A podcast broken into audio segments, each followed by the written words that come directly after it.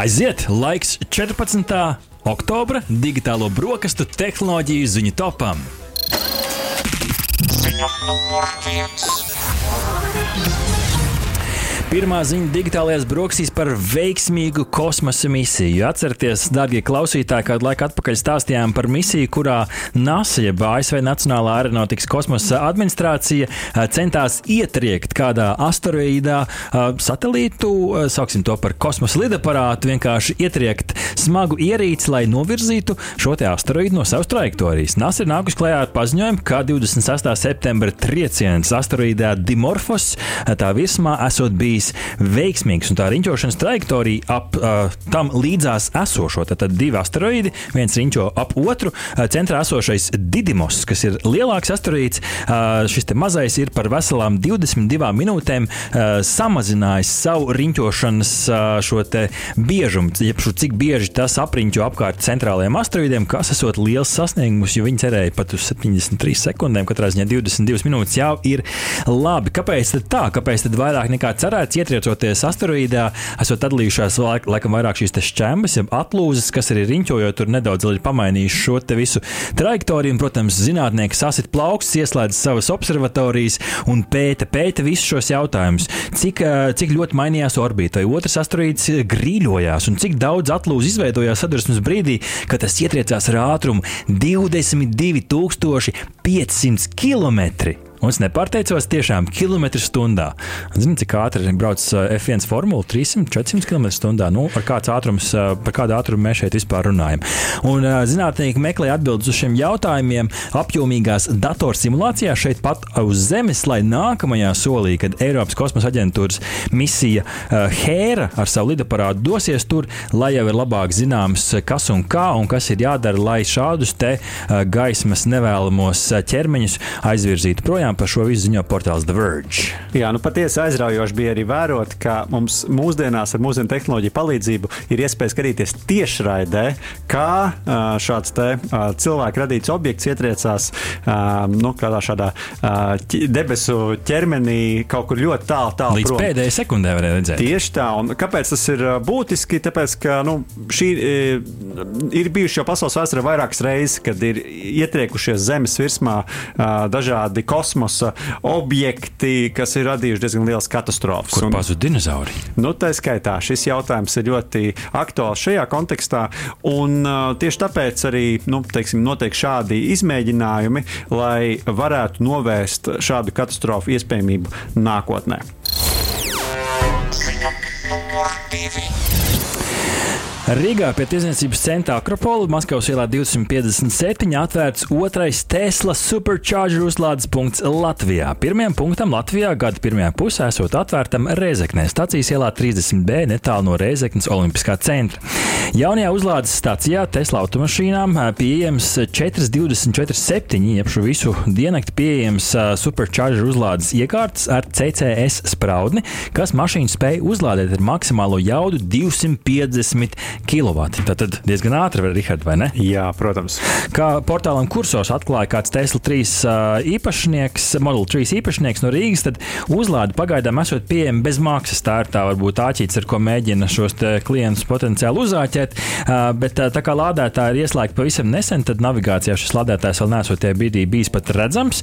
Pagaidām gan nav zināms, vai uzlādes punkts būs atvērts arī citu ražotāju elektroautomašīnām, jo šāda tendence ir novērota gan Vācijā, Norvēģijā, Nīderlandē, Francijā. Latvijā, gan visos uzlādes punktos, bet atsevišķos. Katrā ziņā, ja šis spraudnis, jeb vats ir vienāds, tad kāpēc gan neatvērt, Rihard, vai ne? Jā, nu, kāpēc šis ir svarīgi? Nu, tāpēc, ka Latvijā patiesībā šobrīd nav nemaz tik daudz to ļoti jaudīgo elektroautorātu lādētāju. Protams, nav arī tik daudz to mašīnu, kas to spēj paņemt pretī. Vēl bet, nē. Bet šādu mašīnu skaits pieaug, un tāpēc ir uh, prieks redzēt, ka šo lādētāju skaits pieaug, un to mēs patiesībā arī ļoti labi redzējām vasarā, kad mēs testējām vairākām elektroautorāta uzlādes stacijas. Un, uh, to, kā mums gāja, varat noskatīties Latvijas Rādio YouTube kanālā vai podkāstu platformās.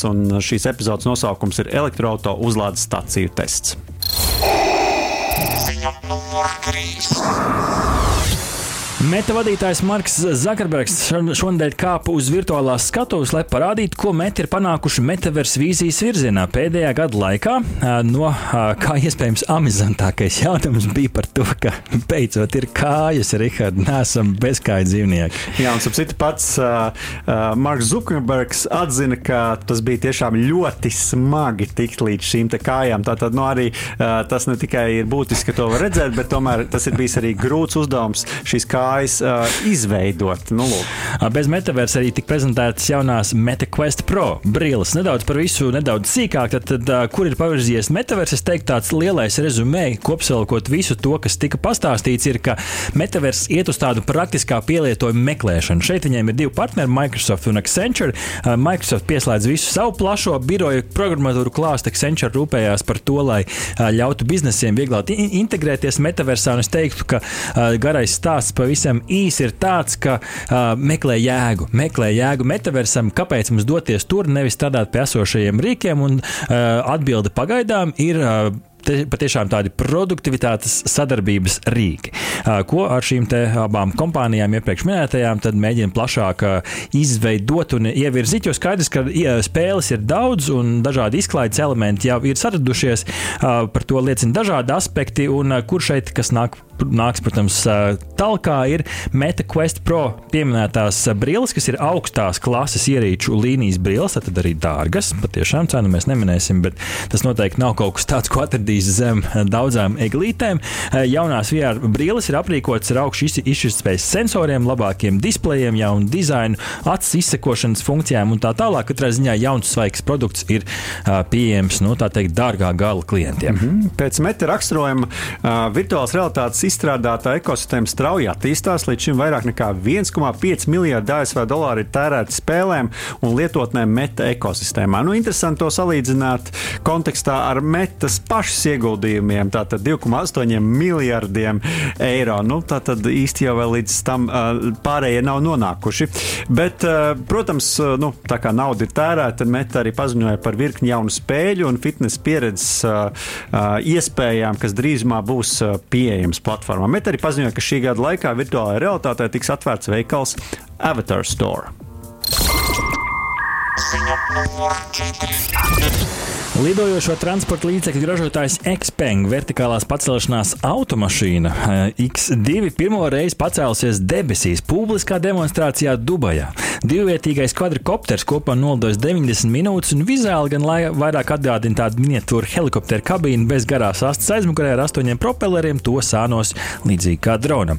Kabīnē, kurā iekāpjot, jāpaceļ durvis uz augšu katrā sānā, pasažieru priekšā ir divi skāriņūtīgi ekrāni, vairāk atgādina tādu modernu sporta auto un lidojumu gaitu asistē gudrā lidojuma sistēma, no ar ko viņi lepojās, pilnībā elektrisks, līdz ar to zaļāks, mazāks CO2 patēriņš, draudzīgāks pret vidi, iespējams, var būt. Uh, Pielietojumi dažādi, šobrīd gan spēr tikai soli pa solim. Lidojošais aparāts šobrīd tādā prototypa versijā, nu, plāni lieli, vai izdosies, nu sazini, bet kāpēc Dubaja? Tāpēc, ka nu, tur dažādas inovācijas tiek veicināts. Tā kā ir arī mums iespējams, kur paskatīties Rīgas kontekstā. Jā, interesanti, vai viņiem ir kaut kā īpaši pielāgot arī gaisa satiksmes noteikumi šādiem te, lidos, uh, privātiem lidotājiem. Bet, jā, nu, gluži par uh, tādu lidojošu automašīnu to nevar nosaukt, jo tā nav riteņi. Mm -hmm. Un tā drīzāk atgādina tiešām kārtas teica helikopteru un tur tālu līdz Back to the Future uh, filmu frančīzē redzētā, uh, redzētās mašīnas. Ziņa numur 5. Latvijas Universitātes Cietvielu fizikas institūta pētnieki izstrādājuši viedās bojas Spectrum Marine prototipu, kas aprīkots ar mikrospektrometru, kas vienkāršā valodā mēra ūdens kvalitāti tā piesārņojumu, kā stāsta portāls Labs of Latvija. Kad esot jānovērtē ūdens kvalitāte, kas notiek parasti, paņem paraugu aiziet uz laboratoriju, pēc kāda laika ir rezultāts. Nu, varbūt nav tas ātrākais, varbūt nav tas lētākais risinājums, galā gan kvalitatīvs. Laboratorijai, protams, ir sava pievienotā vērtība, bet šī jaunā boja varētu dot to uh, ātrumu, kas iespējams pietrūkst šajā kopējā ciklā, varbūt dati neprecīzāk, toties vairāk, ātrāk pieejami, un tad jau var ātrāk norēģēt un saprast, tā, kur kādu pa, analīzes paraugu ņemt, tā, kur neņemt. Uh, katrā gadījumā šīs analīzes tiek veikts reālajā laikā.